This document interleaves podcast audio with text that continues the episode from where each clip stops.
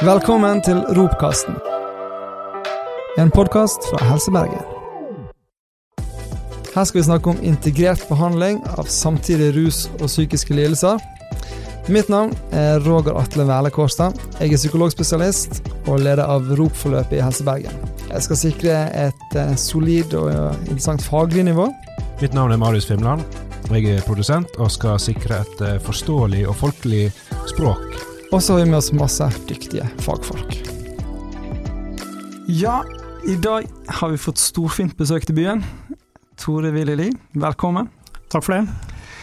Eh, du jobber jobber på Nasjonal kompetansetjeneste for samtidig rus og psykiske lidelser. Stemmer. Og eh, har jo bidratt til mye faglige ting og gjør et veldig viktig arbeid der. Så også veldig viktig for, for oss i, i ROP-fokuset her i Helse Bergen. Og så I forhold til utredning, som vi skal snakke litt mer om i dag, så har jo du hatt hovedansvar for Prism-utredningsverktøyet. Eh, som du sist var i Bergen, så hadde du da kurs for oss. Det var første kurset med, for Prism her i, i Bergen. Så skal i dag har vi med oss Marius òg, som alltid. Hei. Eh, så skal vi rett og slett Ja, utredning det er jo et stort tema, eh, og spesielt når det gjelder pasienter som har samtidig rus og psykiske lidelser. Eh, men vi begynner litt sånn generelt. Når vi snakker om utredning, hva snakker vi om da? Det vi snakker om er vel kort og godt egentlig å bli kjent med folks problemområder og ressurser eh, på så god måte som mulig. Eh, både det med kropp, sinn, samfunn, hverdag. Eh, og ikke minst hva folk ønsker og vil videre, og prøve å tilrettelegge så best mulig oppfølging som mulig.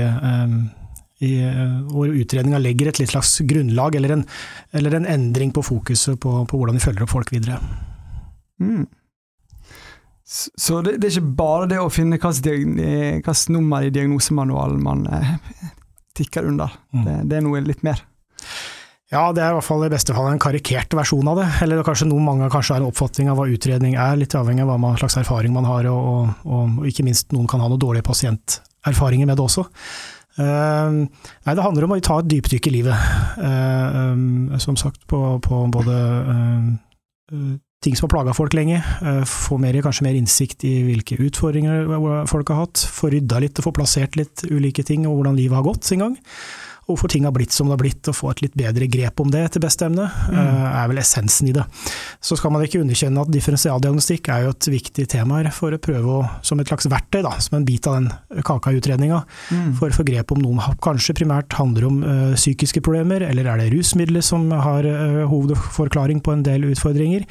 Kan det være noe med kroppen som folk har utfordringer med, eller er det andre belastninger rundt i nærmiljøet eller samfunnet osv. som, som uh, har, viser til en viss tyngde av de utfordringene folk har. Og så er det mm. gjerne en sammensetning av flere ting, selvfølgelig.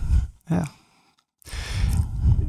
Så det høres ut som noe, noe viktig eh, man på en måte må, må, få til, før man på en måte kommer kanskje i gang med, med behandlingstiltakene og litt sånne ting. da, At man har fått en god oversikt over hva er det som er, er utfordringene og problemene. og Mm. Men kan du si litt om når er det man skal gjøre utredning? Er det noe sånn, Kan man gjøre det når som helst, eller er det ja, Først og fremst må den som skal gjennomføre det, personen sjøl, ha lyst til det. Uh, så uh, i en del tilfeller så vil det være flere eller enkelte deler av hjelpeapparatet som, som, kjenner at de kommer litt til kort. At det de har holdt på med så langt ikke har fungert så godt, og man får liksom ikke helt grep på hvordan man skal hjelpe folk etter beste evne. Eh, så det kan jo ligge litt behov hos hjelperne.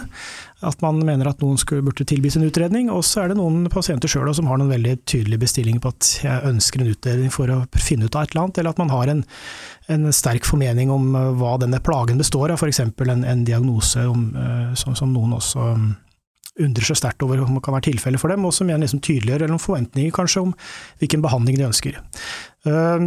Så, kom, så er jeg litt sånn, jeg kaller det litt sånn karikert versjon på en måte, det med utredning også, med at utredning først, behandling etterpå. Eh, folk har nå et liv underveis i en utredning også. Sånn at eh, jeg tror det er viktig at folk ikke setter seg på gjerdet eller backer unna, eller, eller, tenker at nå har jeg ikke noe ansvar for den pasienten her, fordi han er en utredning, og så skal liksom utredninga utgjøre et eller annet magisk til slutt, som gjør at vi blir så mye klokere på et eller annet, og det blir så åpenbart hva noen trenger. Så vet man at folk trenger å, øh, å ha en hverdag underveis i en utredning, sånn at det er et behandlings- oppfølgingsaspekt uavhengig av utredninga. Det kan komme opp ting underveis i utredninga som er av betydning, som man må følge opp fortløpende. Og så er det noen ting man kanskje føler seg litt klokere på til slutt i utredninga, som legger litt veien videre sammen med den det gjelder. Mm. Så, hvis jeg forstår riktig, så kan man heller ikke bruke da, utredning som en sånn måte å at må, altså, Pasienten må få bli utreda før vi kan få gi, behandling, eller før han kan få tilbud, eller Man må gi behandling uavhengig litt av hvor langt man har kommet med utredningen. Man lar ikke la stoppe opp på det. Nei, det er, altså, det er, litt sånn ja takk, begge deler. Det er klart, uh, Hvis det er noen ulike spesifikke diagnoser eller problemområder som stikker seg fram og blir veldig klare og tydelige, så vil det kunne gi folk ulike rettigheter rundt i velferdssystemet, og det kan være muligheter for å få et annet botilbud, eller spesifikke behandlinger som ulike medikamenter eller psykoterapier f.eks. Mm. Samtidig så kan man tenke bredere på behandlingsbegrepet, uh, som at det handler om egentlig alt mulig i prinsippet, som uh, hjelper folk til å få bedre livskvalitet. Og et spørsmål om hva hjelpeapparatet som helhet kan bidra med med i den sammenhengen. Har du lyst til å si litt sånn i korte drag eh, hva en utredning går ut på? Altså Er det sånn CSI Miami-arbeid, eller sitter det en fyr på Statsarkivet og graver i papirene, eller hva, hva, går det ut på sånn i korte drag? Mm. Eh, det går ut på som, å, å, bli kjent med folk, først og fremst. Det vil si man gjør et lite dypdykk i livet, altså hele livsforløpet. Eh, det, det er en nødvendighet, tenker jeg, å bli kjent med hele livet til en, til en person. Men er det via da pasient, eller er det via type familie venner, eller hvordan er det dere mm. finner ut av disse tingene? Først og fremst er det jo i samtaler og, og, og ulike intervjuer osv. sammen med pasienten. Og så bør man innhente informasjon fra andre kilder, eh, dvs. Si f.eks. pårørende, eh, tidligere behandlingsopphold, fra fastlegen, eh, kanskje fra en tidligere lærer i noen sammenhenger osv. Så, videre. så det er, det er, flere kilder som man bør innhente informasjon fra, også som man samler sammen dette her til slutt, og prøver å bli klokere på om noe er det ene eller det andre i form av diagnostikken, i hvert fall. da og i helheten og kompleksiteten i alle de tinga som kan være av betydning, som gir en best mulig forståelse og grunnlag for å hjelpe folk videre. Og så er nå situasjonen din i dag, antar jeg? Nei, altså du, du er litt detektivarbeid her, og så ja, er det ja. litt sånn dagens eh, situasjon, og så ja.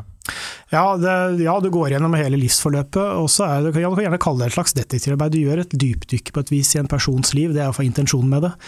Uh, uh, og det må selvfølgelig være noe som folk har lyst til å være med på, så, det må ligge et godt grunnlag for at en person skal ha lyst til å brette ut livet sitt på en, på en, konstruktiv måte i en sånn sammenheng. Så, så, det må ligge til rette for det. Uh, det er jo ikke sånn at du vil fortelle om hva som helst til hvem som helst, og du må ha en viss forventning eller en tanke om at dette her skal lønne seg, gjør, gjør for min del. Da. Det skal være en investering først og fremst for den det gjelder. Mm. Opplever du at det er pasienter Du sier at pasienter av og til ber om å få utredning. Er det en sånn såkalt opplyst pasient? Altså Veit de hva de ber om? Eh? For jeg har jo ikke hørt om en utredning i den forstand før. Jeg visste ikke om dette. her. Nei, det, det kan være noen personer som eh, etter alt de har opplevd og kjent på av vonde problemer og, og utfordringer, at, at de har, har, noen sterke tanker om at uh, de f.eks. kan ha ADHD. Om det stemmer eller ikke, det, det, må jo på tiden vise seg når man prøver å gjøre et dypdykk i, i en persons liv. Men man har fått en fornemmelse av, i form av en merkelapp, som man gjerne kaller det, altså en form av en diagnose, at det er, dette er en hovedtyngde eller hovedforklaring på en del av de tingene jeg sliter med.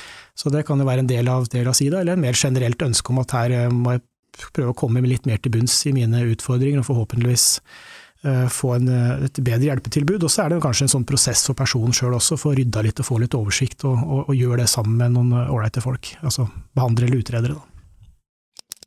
Nå vet Jeg jeg er jo psykolog sjøl, så jeg vet jo litt at det ikke er sånn. Man skulle jo gjerne ønske at man kunne tatt en blodprøve, en skann, et eller annet sånt som bare liksom putter man inn i en maskin, og så kom det et resultat ut. Men, mm. men det er jo mye selvrapportering, sant. Ja, det er først og fremst dialog eller intervjuer, ja. der du innhenter informasjon og folk gir uttrykk for sine subjektive uh, meninger om det. Og så er det selvfølgelig observasjoner i tillegg kan være og, og andre opplysninger som, som, innhentes. Så samler man og bruker alle disse kildene her etter beste evne. Og så er det jo kanskje noen aspekter med vurderinger av, vurderinger av hvis det er noen kroppslige plager, at det kan være en medisinsk tilstand, som man kaller det litt som en sånn fagterm. Da. At det kan være en hovedforklaring på en del av problemområdet. Og da kan det være ulike uh, andre prøver av mer medisinsk sort da, som er aktuelle, eller at man, noen f.eks. tar en bilde av hjernen hvis man antar at det kan være noe der som, som er av betydning, som gir en god forklaring på fall deler av et større problemområde, muligens. Da blir det jo hovedsakelig litt sånn for utelukket at det ikke er noen sanne årsaker som på en måte gir plagene. Ja, ja, det er jo det man kaller sånn på fagspråket differensiering. Da. Altså ja. at man eh, prøver å finne ut om noe er det ene eller andre, og så har man tydelig nok grunn til å tenke at her må vi gjøre sånne type undersøkelser i tillegg, for å se om, se om det kan uh, utelukke noe eller bekrefte et eller annet. Og, og så bruker man ikke så mye sånne her uh, tester som der det er litt sånn skjult hva man spør etter. Der man spør mange sånne spørsmål, sånn, sånn MMPI bruker, eller Rorschach, som er sånne abstrakte ting. Mm. Tester. Man, det er ganske åpent, egentlig, det man spør etter i de fleste. sånn. Ja, det er jo sånn, relativt sånn transparent på innhold og form. Uh, og så vil sikkert noen litt avhengig av man, hvordan man kjenner seg inn i spørsmålene, kan være litt tilbøyelig til å bekrefte eller avkrefte ting. Det er klart det er en utfordring litt at må, man må spørre, prøve å spørre nøytralt etter beste evne, at man ikke bare lurer på om noen har en psykoseutfordring, eller bare spør spørsmål som tydelig er litt, kan føles å være litt sånn designa for at her spør vi om du har ADHD. Mm. Så er det å prøve å gjøre en nøytral utspørring etter beste evne, samtidig som man er ute etter noe helt konkret da, for å avkrefte eller bekrefte det. Hvordan eh, kompliserer eller påvirker rus en sånn utredning? Mm. Det gir jo en ekstra dimensjon på å prøve å bli klok på noe. Eh, eh, det er jo Mange rusmidler kan jo minne om ulike psykiske lidelser, og kanskje også medisinske tilstander. Så det gir en ekstra faktor for å prøve å bli klok på om noe er det ene eller det andre. Mm. Hvis noen har primært oppholdt seg i et rusmiljø de siste 15 åra, så er jo det en kilde til informasjon. Det, opplever dere det som et åpent miljø å, å få informasjon ifra? Ja, Det tror jeg hører til sjeldenheten at man liksom går ut og innhenter det man liksom kaller komparentopplysninger da, eh, fra, fra, fra uh, miljøet som er sånn i bredden. Så kan det selvfølgelig være ulike personer som har et rusmiddelproblem, som er en viktig person å kunne spørre om ting hvis det er en nær relasjon til pasienten f.eks det her med, I og med at det, mye av det her er jo selvrapportering som man henter eh, når man skal gjøre en utredning. Mm. Altså Hvor viktig er det her med relasjon? Altså det at den personen eh, som skal utlevere, gjør stoler på den som man skal sitte og utlede seg for. Og, det er ekstremt viktig. Ehm, nettopp fordi altså, du skal føle at dette her skal lønne seg, at det skal lønne seg for mer enn det har mulige konsekvenser eller noe negativt ved seg. Du skal jo i beste fall snakke om veldig mange sider av livet, og det er jo ikke noen av oss, det gjør vel ingen av oss til hvem som helst. Og det er vel ikke noe bedre grunn for en pasient til å gjøre det på en måte si, i grunnleggende sett til hvem som helst du møter på en behandler du aldri har møtt før. Du må jo føle at her er det en grunn til å fortelle om hvordan jeg har det, etter beste evne. Altså at Noen eh, diagnoser gir jo rettigheter, og, og kan eh, gi, gi, goder sånn sett. Noen plager kan jo òg frata. Ikke akkurat nødvendigvis at førerkort er en rettighet, men det kan jo frata. at Hvis du har et, eh, en avhengighet, så er jo ikke det nødvendigvis alltid at man kan ha et førerkort av den grunn. Mm. Ja, nei, det, Hvordan, det, det, er jo litt av dilemma ofte.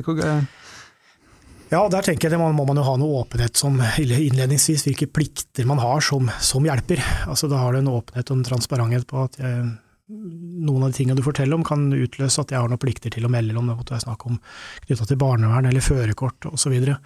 Eh, så det er litt sånn eh, ja, det er en for vekta ting at det skal lønne seg. Og hvis noen kan føle på at det er en risiko å, å, å snakke om seg sjøl i en utredning, at man skal i hvert fall føle seg trygg på at her, her er det noen som vil ivareta meg best mulig, og at jeg har mulighet til å fortelle med åpne kort uh, alt han måtte spørre om, da, som han tenker måtte være nyttig.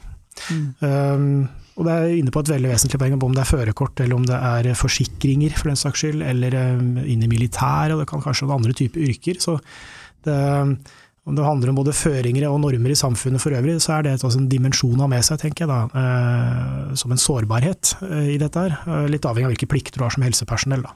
Mm. Så det er ikke som en helsesjekk. Du, du anbefaler ikke alle å ta en utredning i løpet av livet? Ja, vi alle prøver kanskje å selvransake oss etter beste evne, i hvert fall.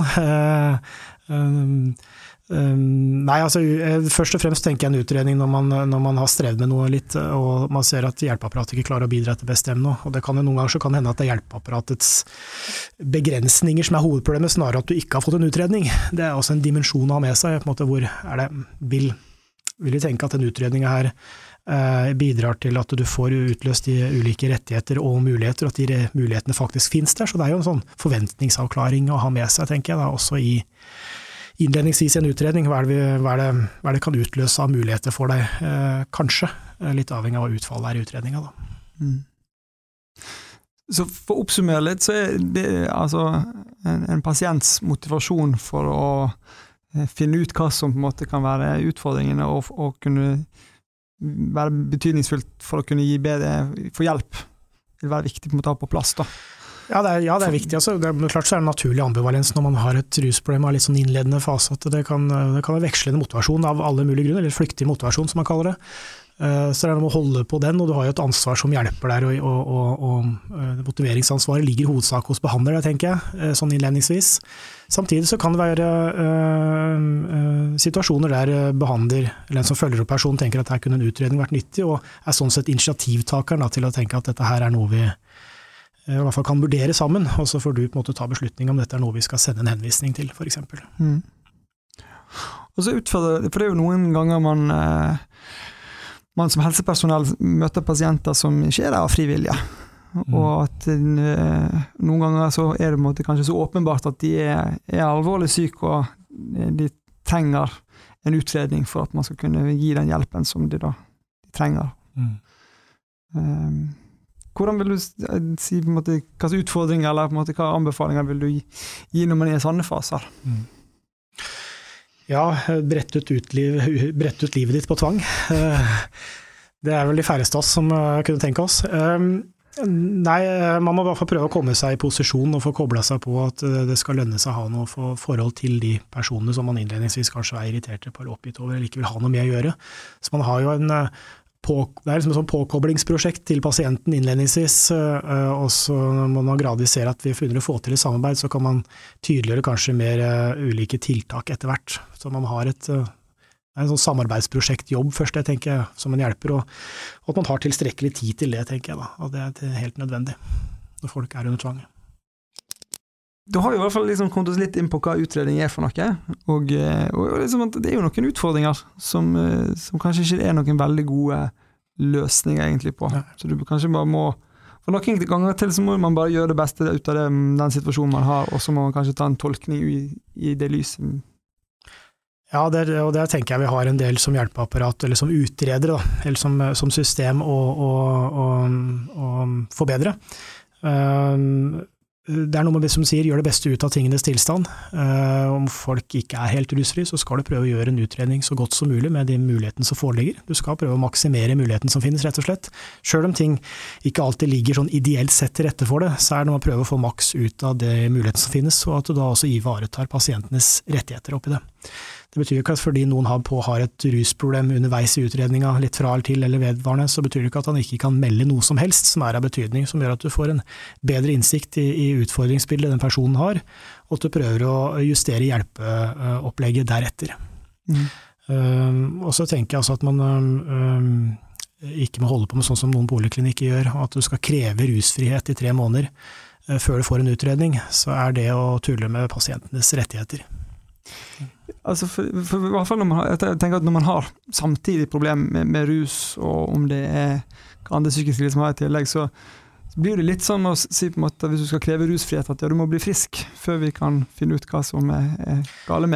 ja, det er ironien i det. Det, det vi har ansvar for å skulle hjelpe deg å behandle, eh, fortrinnsvis samtidig som hovedregel, det, det, vil vi ikke gjøre. Det er vel det man sier i praksis da.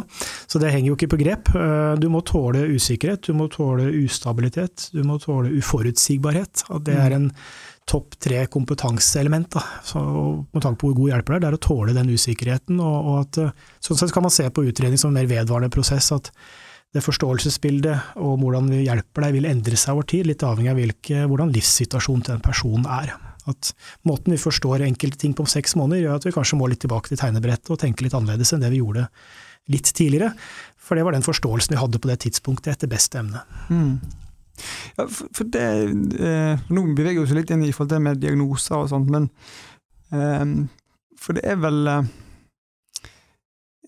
det, det, er vel sånn at Når man kan utrede, så, så kan det være noe det, det, som på en måte var riktig der, kan vel endre seg, eller er det liksom at når man har fått en diagnose, så er det det, og så den andre vurderingen som er gjort tidligere, i annet at det var feil, eller mm. jeg, jeg, fall, jeg, hører i hvert fall om en del historier på en måte der pasienter forteller litt om, om eh, symptombildet de, har, symptombildet de har hatt, og plagene de har hatt, og så kan de ramse opp de ulike diagnosene de har hatt. Og så, er jo litt sånn, tenker, er det det at de har vært feil, eller er det på en måte at det var det bildet som var da, som var riktig? Ja, det, det sier i hvert fall, tror jeg, om at man skal være veldig sånn streng på hvilke diagnoser man eventuelt setter. Ehm, det er noen ganger som du sier, Når man innhenter noen opplysninger, så har man noen tidligere diagnoser fra en tidligere utredning for fire-fem år siden f.eks., og så må nåværende behandler tørre å ikke stille en diagnose inn eventuelt nå, hvis de tenker at Ok, det var forståelsen det tidspunktet der, øh, det er ikke det vi sitter med nå.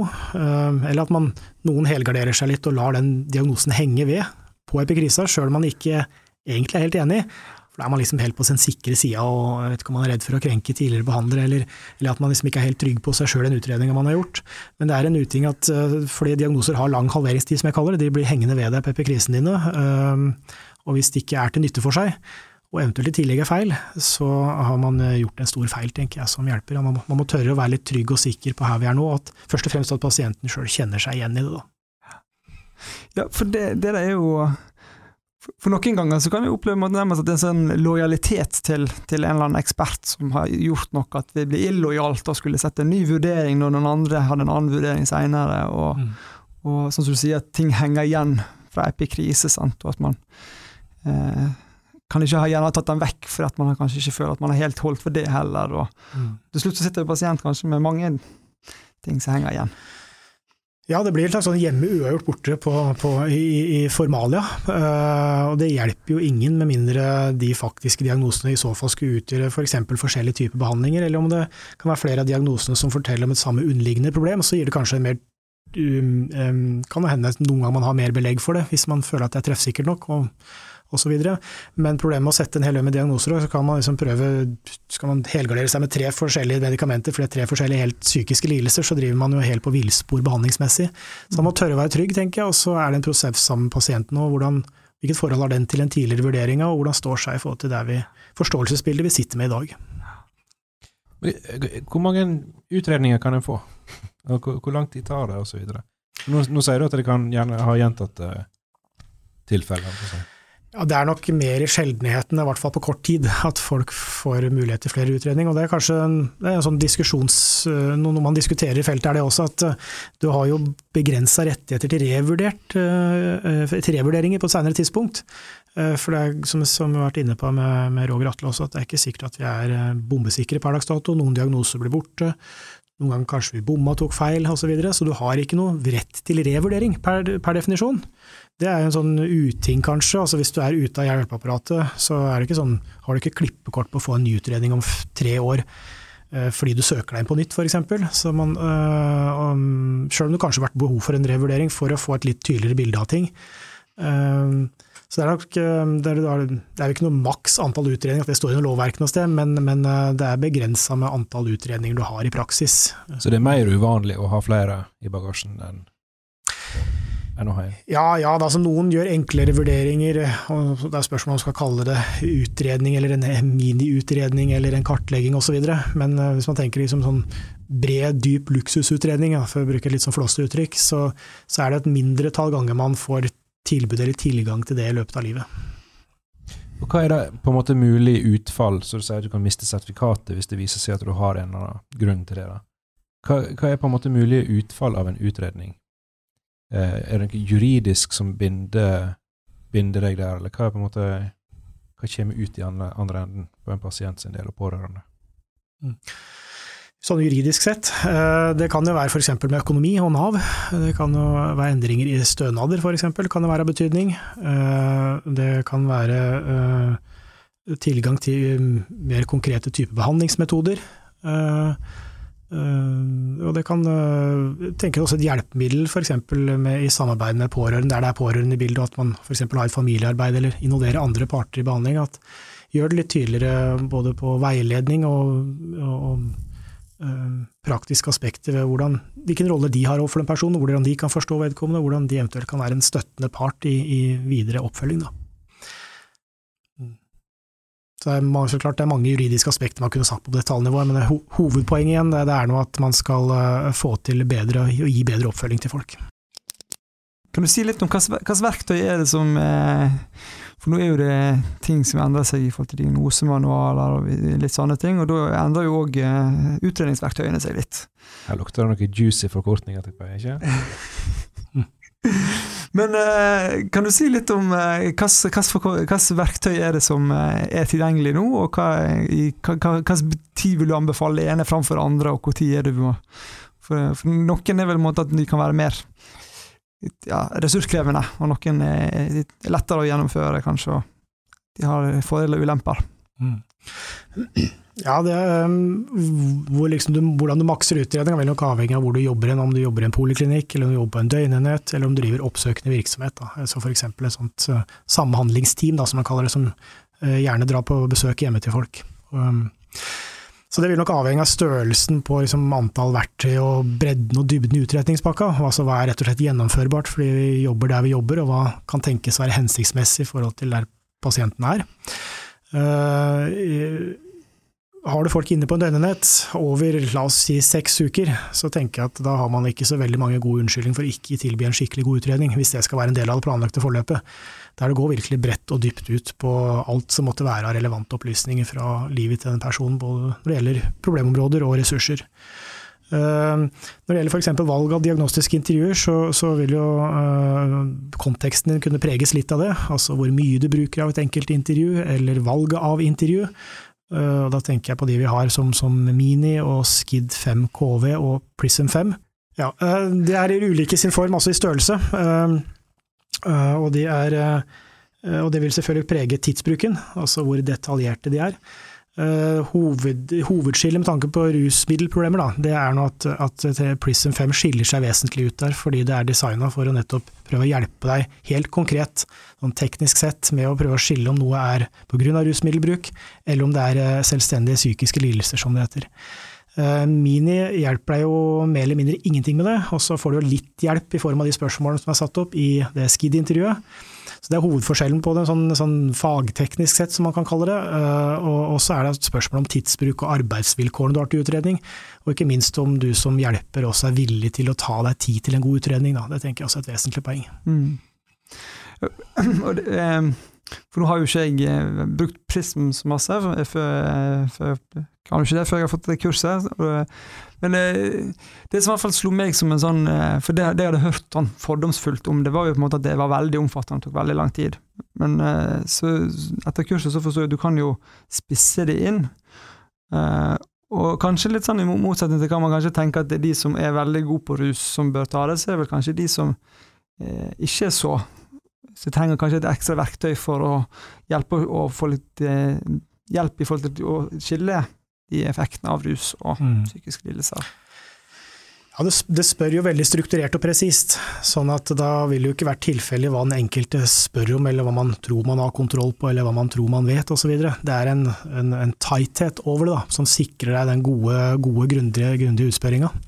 Så jeg vet ikke om jeg skiller på om nybegynneren eller, eller den som har jobba med noe i 20-30 år, for det kan jo handle om at man er litt cocky og føler man har stålkontroll på det. Eh, og det avhenger litt av kasuset, tenker jeg, på hvor omfattende med rusmiddelbruk det er, eh, som gjør at du holder mer tunga rett i munnen ved at dette hjelpemiddelet sørger for at du må spørre om alt som er nødvendig å spørre om, og måten du spør på i sin presisjon, da, mm. som, som gjør at du holder litt stø kurs og sånn sett har et ekstra godt hjelpemiddel.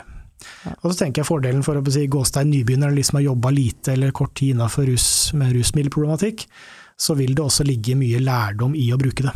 Det vet jeg sjøl også, eh, da jeg begynte å bruke det. Så sier jeg at jeg, før de andre brukte det på enheten, og jeg var med på implementeringa i sin tid for mange år siden, så så jeg at eh, jeg hadde jo egentlig en kjempefordel på, på å lære noe av det å faktisk bruke et der intervju også. Ikke at pasienten skulle være en prøvekanin som sådan, fordi jeg skulle lære meg noe, men at det lå en del lærdom i å forstå hvorfor det er nødvendig å spørre på en sånn presis, strukturert måte, og at du har en viss standard over det, at det ikke bare rår tilfeldigheter og på intuisjon hva som er lurt og viktig å spørre om til enhver tid. Mm. Poenget mitt var vel litt at, at, at det her er nok ikke noe som et, altså et instrument som kun er fordi tverrfaglig spesialisert rusbehandling. Det er vel vel så mye, kanskje fordi psykisk helsevern.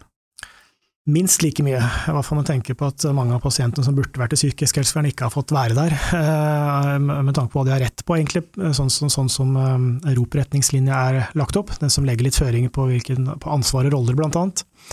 Så, så, kan du også bruke det intervjuet som rent sånn plain diagnostisk intervju uten å forholde deg til rusmiddelbruk, sånn at du kan veksle mellom hva du egentlig trenger fra intervjuet i mengde og form i, det enkelte tilfellet.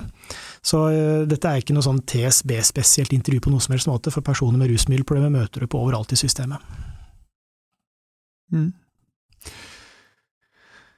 Ja, nei, det um... Du som kan alt. Velger du intervjuform ut ifra hva du tenker ligger bak, eller er det preferanser, eller på en måte, hva, hva sier at du velger Skid eller Prism eller disse her? Mm. Spør du den enkelte behandler ute i Norge, eller ut fra de tørre dataene vi har på hva folk bruker, så har nok Mini vært en god venn hos mange, tror jeg. Og det er nok antageligvis kanskje hovedsak, tror jeg, av at det er det som tar kortest tid. Og, øh, øh, man kanskje føler at man da, det gir en nok, da, med tanke på hva det hjelpemiddelet kan bidra med. Ehm, det viktigste tenker jeg, eh, det er at hvert fall når du vet at det er et rusmiddelproblem eh, i bildet, så må du i hvert fall gjøre deg opp en mening om, om hvilket intervju er det som i så fall kan hjelpe deg mest i prosessen, og skille det ene fra det andre. Og da tenker jeg at du fort kan utelukke min i den sammenhengen, fordi det nettopp ikke gir mer eller mindre noe hjelp i det hele tatt, sånn teknisk sett. Og så har du det SKID-intervjuet som gir deg litt eh, pekepinn på hvordan du skal spørre og utforske. Og så har du Prism som er rett og slett rigga for å gjøre det for deg, eller med deg, da. Så eh, det avhenger av størrelse og form på problematikken, og hvor, så er det da spørsmålet hvor, sikker er du på om du skal kunne velge bort det ene eller andre intervjuet basert på all informasjon du har på et tidspunkt. Holder det med det lille, enkle intervjuet, for her er det tilsynelatende litt Trenger jeg ikke gjøre så sammensatt vurdering som det ser ut til å være nødvendig å gjøre. Eh, og Det kan være en liten kunst å treffe godt på det også, eh, og ta en sånn beslutning på et gitt tidspunkt. da. Og Klinikere er vel litt sånn, de liker vel best det som, som vanlige folk holdt på å si, at det, som, det man kan, det man eh, og er trygg på, det velger man. Ja, endringsvilligheten til mennesker den jo, har jo ikke nødvendigvis så godt rykte, sånn generelt sett.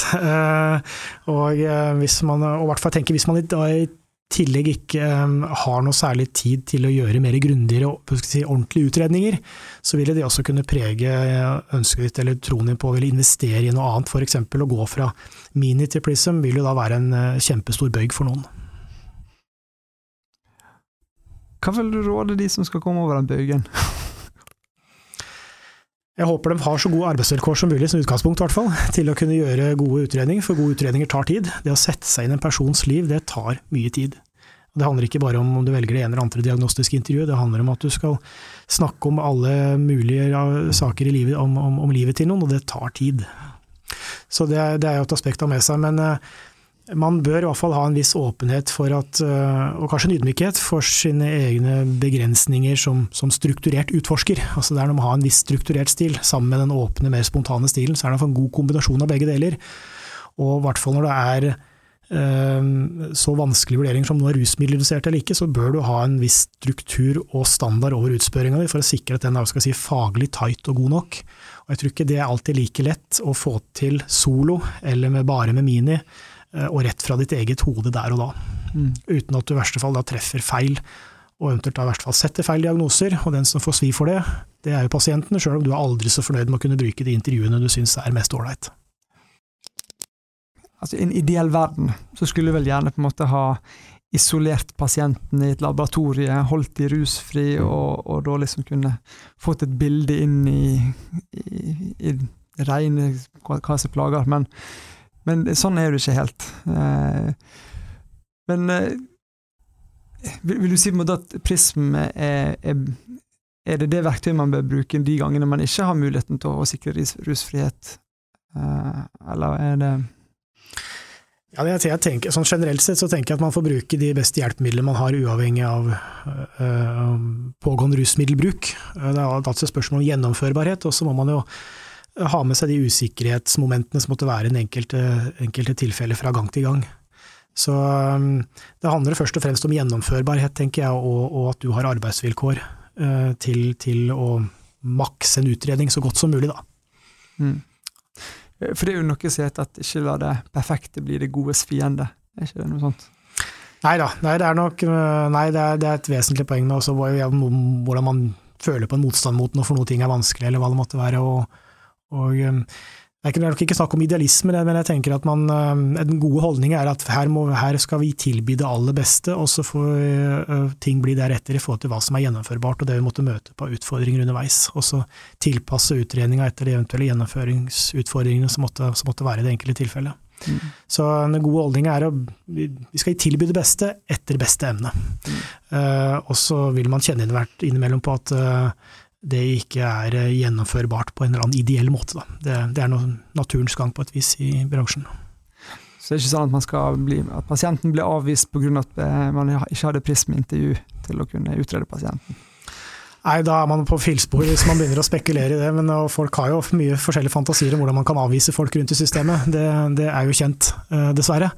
Så nei, eh, man kan ikke begynne å sette premisser på at hvis man ikke har gjennomført det ene eller andre kartleggingsverktøy, så kan ikke vi, kan ikke vi eh, hjelpe noe. Man må, man må ha en viss tillit til det folk har gjort etter beste evne, og så må man selvfølgelig være ryddig på, som, som utreder også, på hvilke usikkerhetsmomenter og, som måtte foreligge, og hva vi ikke helt kom helt i bunns i. Så det er noe med det må være noe med ydmykheten i, i hva du beskriver en epikrise rundt dette her, og, og, åpenheten, tenker jeg, som også gir en viss tillit til de som skal forholde seg til informasjonen eller arve informasjon og forholde seg til når de skal følge opp noen. Mm. Ja. Har vært gjennom en del gode poeng her nå. Har du eh, Marius, noen eh, betraktninger? Syrlige kommentarer? Ja, altså Nei, jeg synes, Dette her er jo litt sånn ullent for meg. Altså, Ikke, ikke pga. dere, men det er jo, det er jo en, en, verden ikke jeg er inne i, og ikke så håndgripelig for meg, kanskje. Men eh, jeg har ikke noe sånn umiddelbare spørsmål, altså. Nei? Så det, nei, det er jo eh, Nei. Du, du bare akseptert at det her er, er for noen veldig interessert i noe helt annet enn hva du er interessert i? Nei, altså det er jo det. Jeg synes det, det er jo, det er jo, ser jo for meg at det er en spennende ting å holde på med. da. Altså Å utrede folk og liksom prøve å grave av gammel skit for å finne ut hva det er egentlig som ligger under. sant? Uh, så det høres ut som en spennende ting, men uh, uh, jeg trodde jo utredning var liksom sånn snurre rundt og hoste og hoppe opp og ned, og så er du utreda. etter var ikke klar over at det var sånn som det her. Men du, du har fremdeles ikke sagt hvor lang tid en utredning tar? da. Det lurer jeg litt på. Ja, det spørs litt hva du legger opp til, og hvilke ambisjoner og, og gjennom, hva, hva, som er mulig å gjøre. Da. litt sånn lettbeint mini, og så tar du en litt sånn krevende spekter, hva kan det for noe?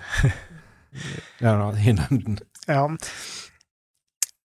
Nei, det kommer nok an på litt på arbeidsvilkår og hva du er villig til å legge, legge hvordan du er villig til å legge litt sjela i deg sjøl opp som utreder, tenker jeg. Jo, men Snakker vi dager, eller snakker vi halvår, eller hvor lang mm. tid tar en utredning fra ende til ende, tenker du? Ja, Hvor mange, mange si, møter har man i en DPS poliklinikk? Eh, Roger Atle, har du noen eh, Sånn, du har vel som regel et visst antall konsultasjoner totalt sett på utredning og behandling. Er det, hvor, mange, hvor, mange, hvor, hvor mange få konsultasjoner eller mange kan du presse en utredning inn i blant de konsultasjonene? Skal ikke bli mye, mye ut på helt og, og se akkurat helt hvordan det er, men ja. eh, Nei, altså hva det, det, tar vel eh, og så er jo det, det står jo alltid anbefalinger hva, hva tidsramme tar så er nok folk litt forskjellige. Og så det som ikke er det vi må få med, altså pasientene er litt forskjellige òg. Noen de svarer ja på alt. Og mm. da, må du, da er det sånn, da må du spørre eh, For en del av de her har jo sånn, eh, det man kaller sånn eh, spørsmål, som er sånn screeningspørsmål, eller eh, Har du plager med det? Og hvis du sier ja, så må du da gå og stille enda mer spørsmål om det. Hvis en pasient sier ja på alt, så, og skal gjennom hele bøtteballetten av alle spørsmål som er i et instrument, så tar til og med min igjen lang tid. Mm. Da er ikke den som mini lenger. Nei, ja, Det kommer nok an på person, som du sier, og eventuelle gjennomføringsutfordringer, og hva man må grave litt mer i osv. Men la oss si noen på en poliklinikk da, har 12-15 konsultasjoner. Eh, det er gjerne litt sånn, sånn typisk mengde. Uh, ganger du kan møte opp, holdt jeg på å si. Eh, og du da bruker, eh, eller føler at eh, det ligger noe krav fra ledelsen eller, eller er lagt opp til på en enhet at du må kanskje bruke minst fem konsultasjoner for å komme gjennom den utredningspakka der, så har du brukt nesten halvparten eller en tredjedel av hele tida da, sammen med pasienten på utredning. Og det er nok utfordrende for noe på sånn tidspressmessig. At jeg, vi har nå de konsultasjonene vi har, ofte, sånn i snitt. Um, og, og, og, så må jeg liksom presse samtidig til å få gjennomført denne utredninga, og da føler man at man har for liten tid til behandling. Og Da kan det også være litt sånn frustrasjon mot utredning som felt òg, at man får brukt for lite tid på behandling og for mye på utredning. Og så er det kanskje problemet at man totalt sett ikke har lang nok forløp sammen med en pasient, ikke når det kommer til stykket. Så, og, og um, det handler nå, tenker jeg, om at um, det å bli godt kjent med noen, både med kropp, sinn, samfunn, rusmiddelbruk etc. Det, det, tar tid, og så skal du legge opp oppfølginga di deretter sammen med den det gjelder. og, og eh, du har det tidspresset og de arbeidsvilkårene du har f.eks. i poliklinikk, det er nok en kjempeutfordring for å få til gode utredninger. Det er det ingen tvil om. Det, det er en vond side av fagfeltet vårt, tenker jeg.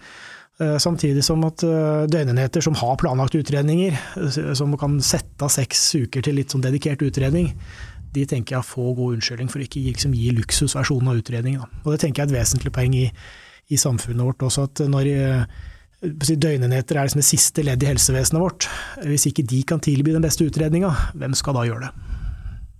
Mm. Så, og, da, og da tar det tid. Og det, det, det, kan jeg si altså på, på ropenheten der, der, der, har vi tenkt å, å, gjøre god utredning. For, for noen for pasienter der så er det at akkurat det som er bestillingen. Mm. Man vet ikke helt, og man har ikke helt fått mulighet til å gjøre en, en utredning, og da må man ta den tiden det trenger. Mm.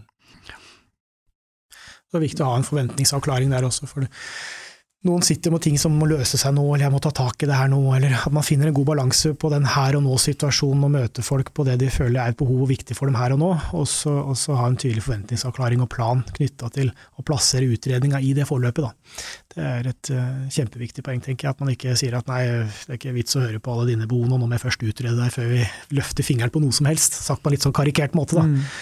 Så, så, det er å finne en, finne en god balanse i, i, både her og nå, og at utredninga skal være en investering for framtida. For det, det, det, er jo litt det med, med motivasjonen til pasienten. At, at, Hvis pasienten har en veldig klar formening om hva det er som er problemet, og de ønsker hjelp til, så vil det vel kanskje være dumt hvis man kommer som pasient og skal ha hjelp for noe, og så blir man møtt med at nei, man må gjøre utredning. Mm. Og så man er, bruker man halve opp tida på det, og så har ikke man fått muligheten til å få hjelp for det man var egentlig ganske klar på hva man ville. Mm. Ja, det er å finne en god balanse på å møte folk her og nå, øh, om det er praktisk hjelp eller, eller det er ting som plager dem veldig sterkt på enkeltområdet, og prøve å på en måte, øh, det handler om lindring eller stabilisering eller, eller andre typer ting. Samtidig som man ivaretar den åpenheten for det mer fullstendige si, forståelsesbildet da, i en utredningssammenheng i, rundt den samme fasen eller tida. Mm. Og så tror jeg at det, det er jo noen ting eh, som det tar lang tid eh, før, før, man åpner opp for. Altså eh, eksempel traumer, det å oppleve vanskelige, vonde ting. Eh, så vet jo man det på en måte at, eh, at det tar ganske lang tid før man er, kan åpne opp om det. Klart Noen har jo vært åpne om det, på en måte har ikke noe på en måte, problem med å fortelle det, men, men, noen kan jo på en måte ha vært at det her holder jeg for meg sjøl. Uh, og det, det, handler ikke nødvendigvis ikke at de blir spurt om det, men de har kanskje ikke vært helt klar for å fortelle det. Mm. Ja, det har jeg opplevd mange ganger. Eh, det har vært litt sånn, vi kaller gjerne en typisk greie for de som, har, de som har vært fram og tilbake i hjelpeapparatet, midt mellom alle stoler, avvist her og der. og, og Det har egentlig aldri kommet i posisjon, eller satt seg i posisjon som hjelpeapparat til at noen skal kunne sette ord på det. Vi har hatt epikriser og notater på pasienter 20 år tilbake i tid, der jeg har funnet spor at noen har vært utsatt for seksuelt overgrep, og så står det en kjempestor bunke med journalnotater fra alle mulige steder i spesialisthelsetjenesten hvor ikke det er tilsynelatende verken spurt om eller satt ord på med ett eneste ord. Mm. Eh, så, og folk sitter på en del skam, kan gjøre. De kan ha kanskje nevnt noe om det tidligere, men eh, det har ikke lønt seg på et eller annet vis, har straffa seg på et eller annet vis, eller har blitt latterliggjort, eller at du har blitt avvist, ikke hørt, folk har backa unna.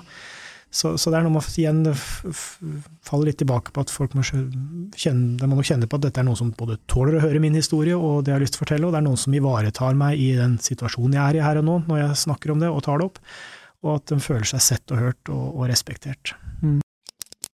En tidligere kollega av meg, Anders Dovland, han eh, skrev jo doktorgrad om akkurat det her med at det å spørre om eh, traumer. Altså mm. at det, at kanskje for behandlerne sjøl ligger det noen sånn forventning at det er kanskje noe man ikke skal plukke opp i hvis man ikke har muligheten til å fullføre det. Mm. Men pasientene sjøl, sånn som han fant det ut av, var jo at de opplever ikke det som den belastningen som, man, som vi behandlere kanskje opp, tenker at det er. Altså, De har jo levd med livene sine, de lever med dem hver dag. Og det å bli spurt på det er kanskje mer det å bli tatt på alvor.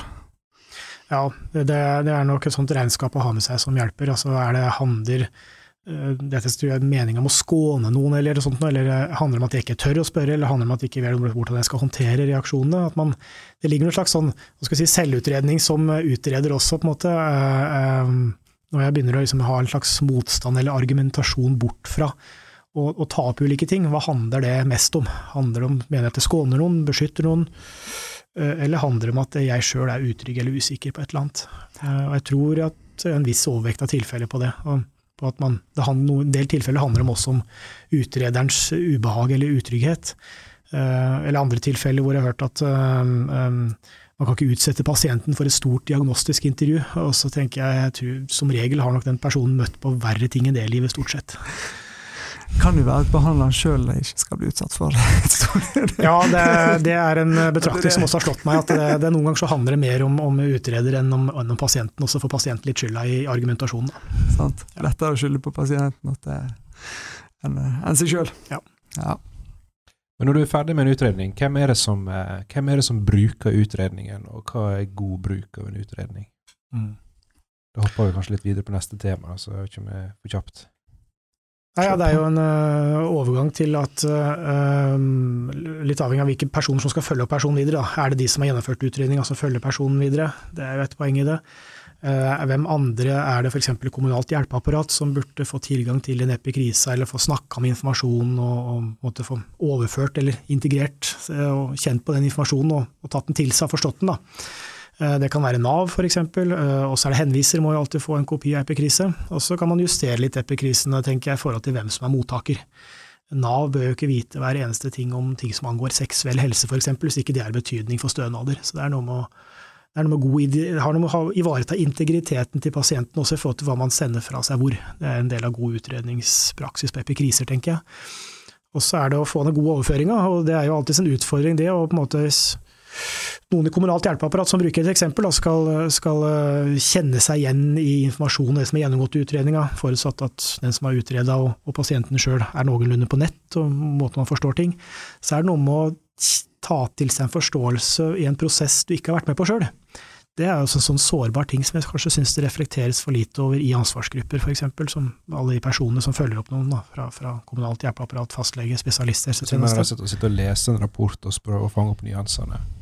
Som noen andre har skrevet. Ja, og, eller om man, man gjerne noen er altså, av en eller annen grunn veldig uenige. Man tror at nå har pasienten lurt utrederen, eller, eh, eller, at man ikke kan noe særlig om f.eks. Um, noen diagnoser som er satt, eller at man har noen veldig fordom eller noen motstand mot enkelte ting som, av diagnoser.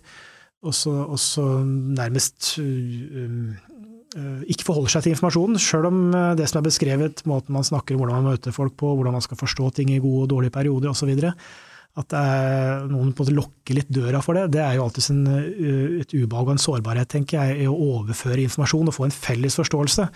Og det, når det kommer til stykket, så er det om å få til en god overføring og den gode lagspillet rundt pasienten og rundt den forståelsen og rundt det vi fikk ut av utredninga. At vi klarer alle de partene eller rollene da, i det teamet eh, kan være innforstått med en felles forståelse, i hvert fall så lenge pasienten sjøl er enig med det, at det bidrar til at vi går en antatt mer riktig og bedre vei enn tidligere. Av og til har tenkt liksom på eh, i dem, Ofte sånn, i sånn effektivitetsnavn så det er kanskje en sånn tanke om at noen blir veldig god på noe, og så blir man effektiv på det, og så skal man nesten sånn samlebånd. At eh, man har noen som blir veldig god på å utrede, så skal de, pasienten komme til de, og så skal de utrede, og så skal de videre til noen som er veldig god på å behandle, og så skal man eh, og Sånn er jo kanskje litt i somatikken, og det fungerer godt der, og så har man i psykisk helse kanskje tenkt at det når noen ting fungerer bra der, da kan man bare kopiere over, og så skal det fungere like bra andre plasser. Men så er det her som vi har vært inne, altså det man snakker om relasjoner. Jeg vil jo tenke selv at Hvis jeg har åpna meg opp og fortalt om det som er skikkelig vanskelig for meg, og det er kanskje en, en lang prosess, og jeg har opplevd at jeg har fordelt det, og jeg har opplevd at jeg ble forstått, jeg ble møtt, jeg ble hørt Da ville jeg kanskje aller helst ønske at den skulle hjelpe meg videre. Men, ja. hva, har du noen tanker om det? Jeg synes Det er litt sånn dilemma, for jeg ser jo selvfølgelig at effektivitet og sånt kan gjøre at man kan få flere gjennom og, og sånt, men mm. det skurrer litt i meg litt det med at man skal utrede og så sende videre. Ja, det er et paradoks. Den enkle versjonen er at ingen kan alt. Eh, altså, Man kan ikke være supergod på alt. Altså, det er en mer sånn ydmyk betraktning som utgangspunkt. Da. Men um, idet man spesialiserer seg uh, Jeg jobba på en enhet som kun drev med utredning sjøl før, og jeg ser at antakeligvis på utredning som forløp og innhold, så tror jeg det er få som matcher den på grundighet og systematikk og liksom blir, blir god på utredning. da. Problemet er at man etter en utredning så skal den personen videre vekk derfra, som du sier. Altså du kobles av fra noen som du har ennå blitt møtt og forstått av, og dere er liksom en slags pågående, påbegynt prosess, og skal liksom føle du klipper litt snora på den. Og så skal noen igjen ta over den informasjonen, og et, så må du etablere en eventuell ny relasjon til en behandler som skal følge opp over lang tid, eller du overføres til en annen døgnenhet for lengre tidsbehandling, som da eventuelt i beste fall er basert på det vi har fått til så langt. Så er det en sånn start, stopp og brudd her. Så jeg tenker oppi mitt hode så hadde det vært ideelt hvis man først skal ha en dedikert enhet på f.eks. utredning, så bør i hvert fall noen i det utredningsteamet Ehm, vær i loopen på den pasientens oppfølging en liten periode etterpå, for, for å kanskje få bedre overføring eventuelt, da, hvis man skal ha sånne oppstykka eller avgrensa spesialiserte enheter. Men eh, det er, det er noe med det, altså, hvis, man, hvis, man, først føler seg møtt og forstått, og det endelig er noen som på en måte har catcha litt uh, hva, hva, jeg plages av, og hvordan vi kan jobbe litt med det, og jeg, vi, er, vi, har en slags enighet i grove trekk i hvert fall om en plan videre, så, så, er det jo en uh, stor sårbarhet at noen andre bare skal ta over og arve det, og sette i gang sånn litt fra startgropa igjen med den pasienten, i hvert fall i tillegg som ikke kjenner den fra før i det hele tatt. Ja. For det er jo litt sånn at Når man da har gjort en utredning, så gir man tilbakemelding på den, og så kan man gjerne òg så litt håp om at jo, det, de her plagene som du har åpna opp nå, det finnes behandling for det. Mm. Men det skal noen andre gi. Det, blir, det, det, føles jo kanskje litt utilfredsstillende for en sjøl òg, som behandler. og Jeg vet ikke hvordan du kjente mm. på det når du jobba med det.